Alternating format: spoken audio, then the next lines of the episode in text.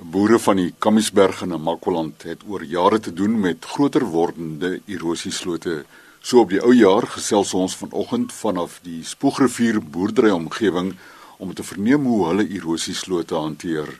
Melinda Gardner is rentmeesterskap koördineerder van Conservation SA en Andries Joel is 'n kleinveeboer van hierdie omgewing. Chris, die oorsaak van die slote is mos as gevolg van moet ek sê baie reën. Dit is water wat wat wat die slote veroorsaak. Spoel uit spoel. Nou as ons nou moet dink in terme van die hele weidingsarea, dan sal dit byvoorbeeld dis onmoontlik vir ons in Spoegrivier om kan byvoorbeeld om elke sloot te kan riap om so te sê om om kan weer die area gelyk te kry. Maar soos in die areas waar in dit nou pla, soos byvoorbeeld dit vir my in die area waarin ek ploeg of my tuin maak. Daai sloot wat hierdie tuin kom bespoel het. Byvoorbeeld daai sloot sien daai gedeelte waar dit wat die sloot daar wat is 'n gedeelte wat ek kan gebruik vir plantdoeleindes of saaidoeleindes. En dit is waarom ek moet sê waar Belinda hulle by ons gekom het en ons vier boere kom aansluit het, dat hulle vir ons bietjie meer lig gewerp op dit wat kan verbeter. Want ons het ons het byvoorbeeld maar al die jare net so gelief. Ons die slote by die slote deur ek het hierdie slote geploeg. Ek het my tuin gemaak al kant van die slote dat daardie gedeelte maar nou van dat hulle by ons gekom het, het hulle dan so 'n bietjie meer vir ons gekom inlig dat jy kan daardie gedeelte grond is ook 'n gedeelte wat kan gebruik word. En plus ek moet sê dit wat hulle ons kom leer het is is pyp en is primitief. Dit is glad nie 'n geweldige uitgawe byvoorbeeld ek kan byvoorbeeld alleen kan ek ook daardie slot byvoorbeeld met my tuin kom wat so gemaklik is dit en dit sal vir my vreeslik groot help. Hulle het mos al die het nou dieper geword maar nou nadat hulle mos nou gekom het in ons nou bietjie weer gekom lig werp het op wat ons kan maak en wat ons kan doen en wat ons kan vra. Ons het mos vra mos die van wat is nie weet nie vra ons dit het nou gehelp dat ek nou kan ek kan nou my pik en my graf vat. Ons is 10 persone wat hier af ek meen gekies is om vrywilliglik so werkie te doen. Ek vat my voertuig en ek lei vir braai en ek lei my vriende op, op die al die ons en ons gaan na die spesifieke plek waar dit nou nodig is, soos op die land. En ons kap 'n sloot reg oor die sloot net dwars oor daai gespoelde gedeelte. En dan gebruik ons byvoorbeeld in die rigting waar die waar uit die water spoel platterige klippe wat jy eers op die sykant pak. Jy boks dit uit. Dan gooi jy net losklippe in die binnekant. Met die gevolg as die water kom, kom spoel hy teen die plat klip vas. En hy groei spoel hy grond op tot daar waar die water bo oor dan gaan hy tussen die ander klippe deur sy. So gaan die water en en so spoel hy bring hy die grond van die en al wat hy bring dis mos sê byvoorbeeld afval van diere soos mis in daai tipe wat mos nou die grond daai gedeelte wat kom opspoel in gelyk raak vrugbaar. vrugbaar maak wat ek daar kan graan weer staan ek kan nou weer daar langs ploeg en so tot waar die water om gelyk met daai muurtjie wat is opgerig het. Gelyk het dan gaan die water mos nou oor. Nou met die gevolg as dit nou byvoorbeeld 'n lang sloot is so sê nou byvoorbeeld hier van 'n kilometer dan is 1 mos nie genoeg nie. Nou net het, byvoorbeeld laer af wat jy nou dieper is dan vat jy weer dieper weer kom rig jy net weer 'n volgende muurtjie op en so bou jy die grond vanaf stelselmatig van een kant af bou jy hom op tot op die einde van jou van jou landerye.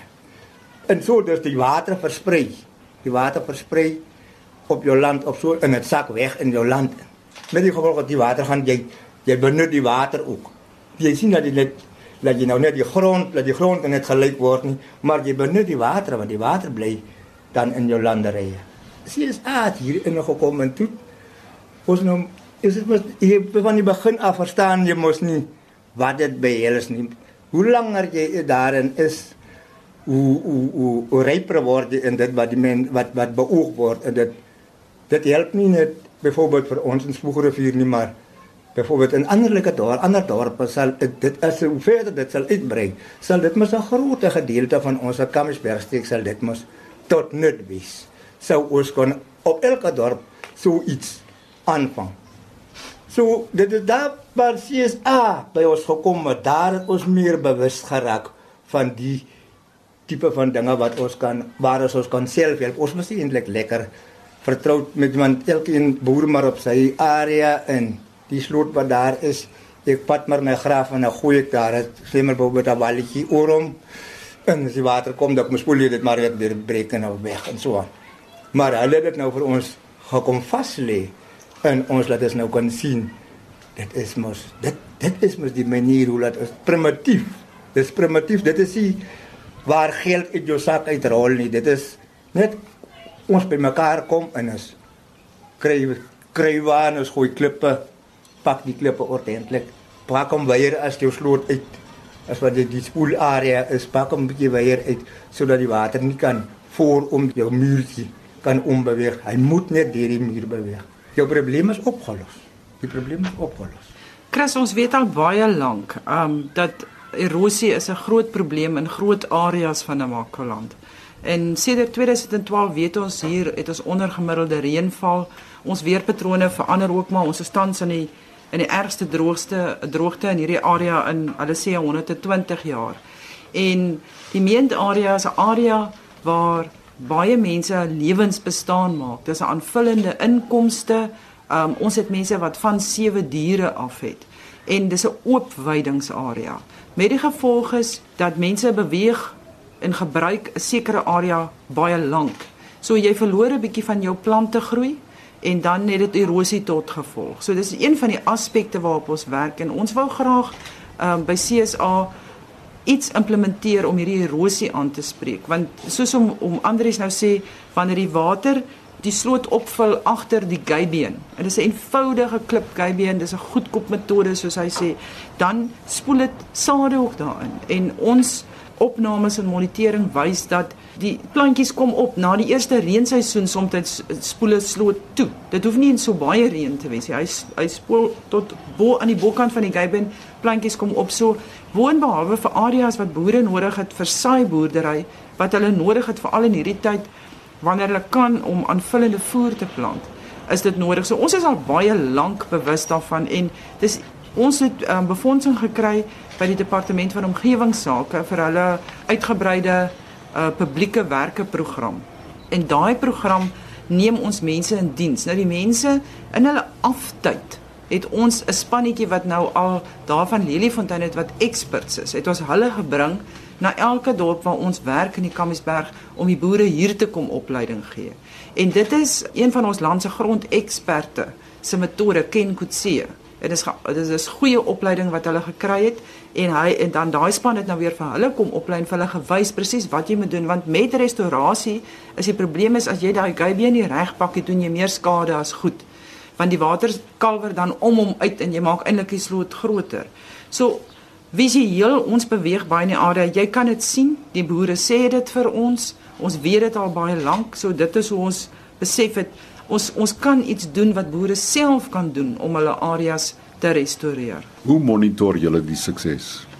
Chris met die met die groter program wat ons in plek het wat, wat hulle noem die Natural Resource Management program in in Nourivier en Leliefontein en wat ons nou op die punt staan om uit te brei na Spoegrivier, Karkams, daai areas ook waar ons werk, is daar 'n moniteringsbeampte wat gaan kyk. Hulle hulle meet hoeveel tonne bolgrond word vasgevang. Daar word sosiale goed ook gemeet soos uh, dit het 'n sosiale aspek ook. Hoeveel persoons daar word gewerk. Ons doen 'n die NRM soos ons hulle noem, doen ook 'n sosio-ekonomiese opname en dan word daar na watervloei gekyk en daar is ook 'n navorsingsprogram om gerestoreerde erosieslote te meet. Vir die boere self is dit eenvoudig. Jy het nou 'n sloot en volgende jaar is hy toegespoel. En miskien 2 maande na die reën staan daar klein plantjies en grassies. So vir hulle is dit maklik om dit te moniteer. Anderse mense wil sekerlik nie dink aan wat die gevolge sou wees as jy nie begin het met hierdie restaurasiewerk. Chris, ek moet dit vir jou sê dat ek meen mense sou nie wou dink sou ons nie begin het nie want as jy nou kyk na hoe dit reeds lyk hoe dit hoe dat die area lyk voordat ons nou met die restaurasie werk begin het dan kan jy nou net indink hoe dit hoe sou dit gelyk het sou ons nog nie kon besef het dat ons kan eie hande aan die ploeg slaan. Ek hoop net ons sal kan die hele area kan byvoorbeeld kan so restoreer om kan erosie so te dan kan toe te maak dat dit dat dit nie dat dit die water nie so weghardloop ons ons is nou heidaglik as gevolg van ons reënsomstandighede dit is dit is nou heidaglik aan 'n waterkrisis en so dus as die water meer water opgedam word dan is daar byvoorbeeld meer groei by die verskille by die waterpunte vir water is sou die water kon bly in die area dan kan jy mos byvoorbeeld daar waar die, die waterpunte is dan kom die water groei maar gaan vloei mos daar na toe onder die en dit sal gemaklik maak dat ons al meer waters kan ook hê in die in ons weidingsareas. Melinda, wat kos hierdie aksie vir CSA? Chris, dit kos ons om die waarheid te sê baie min. Um ons funksioneer geheel en al op befondsers en hierdie spesifieke vrywilliger groepie het ons basies net deur ons befondsers Switch Africa Green het ons vir hulle veiligheidsklere, oorpakke, veiligheidsskoene um aangekoop en en en ons het vir hulle um hoedens aangekoop vir die son en 'n graaf 'n paar grawe, 'n paar pikke, um 'n krywe of twee en en dis die toerusting vir die span van 10 om oor 'n jaar se tyd elkeen 'n sloot of twee te restoreer het ons minder as R10000 gekos. En ons is nie byvoorbeeld 'n boer nie. Maar die meeste boere, meeste mense het daai toerusting. Jy het 'n pik, jy het 'n graaf, jy het 'n krywe op jou plaas, ten minste een van elkeen of meer.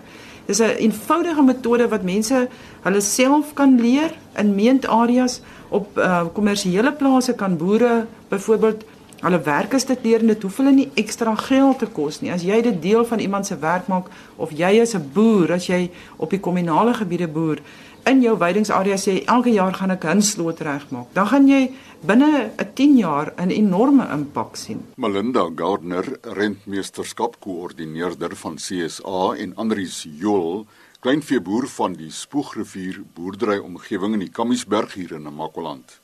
Ons groet 2017 met 'n uittreksel uit die presidentsrede van VLV Kaapland, Karin van Skalkwyk. Al waai die winde van die lewe jou blare deurmekaar, staan jou kern, jou vreugde onbeweegbaar vas.